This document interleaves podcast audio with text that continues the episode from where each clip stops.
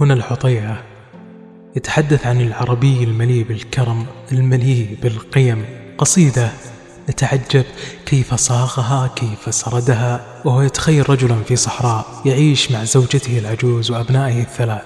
يأتيه ضيف ولا يمتلك شيئا فيصوغ جو من القيم والجمال. في هذا النص على الصعيد الفني والروائي.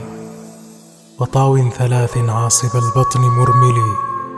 ببيداء لم يعرف بها ساكن الرسما أخي جفوة فيه من الأنس وحشة. يرى البؤس فيها من شراسته نعما. وأفرد في شعب عجوزا إزاءها ثلاثة أشباح تخال لهم بهما. حفاة عراة ما اغتذوا خبز ملة.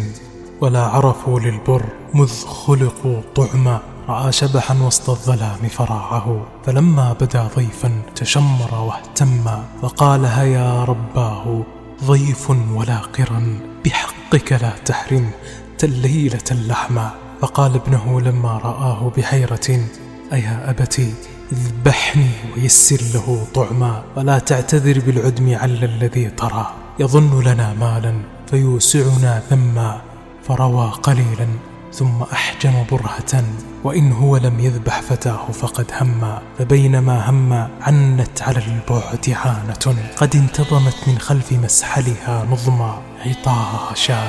تريد الماء فانساب نحوها على أنه منها. إلى دمها أظما فأمهلها حتى تروت عطاشها فأرسل فيها من كنانته سهما فخرت نحوص ذات جحش سمينة. قد اكتنزت لحما وقد طبقت شحما. ويا بشراه إذ جرها نحو أهله. ويا بشراهم لما رأوا كلمها يدمى. فباتوا كراما قد قضوا حق ضيفهم وبات أبوهم من بشاشته أبا والأم من بشراها أما.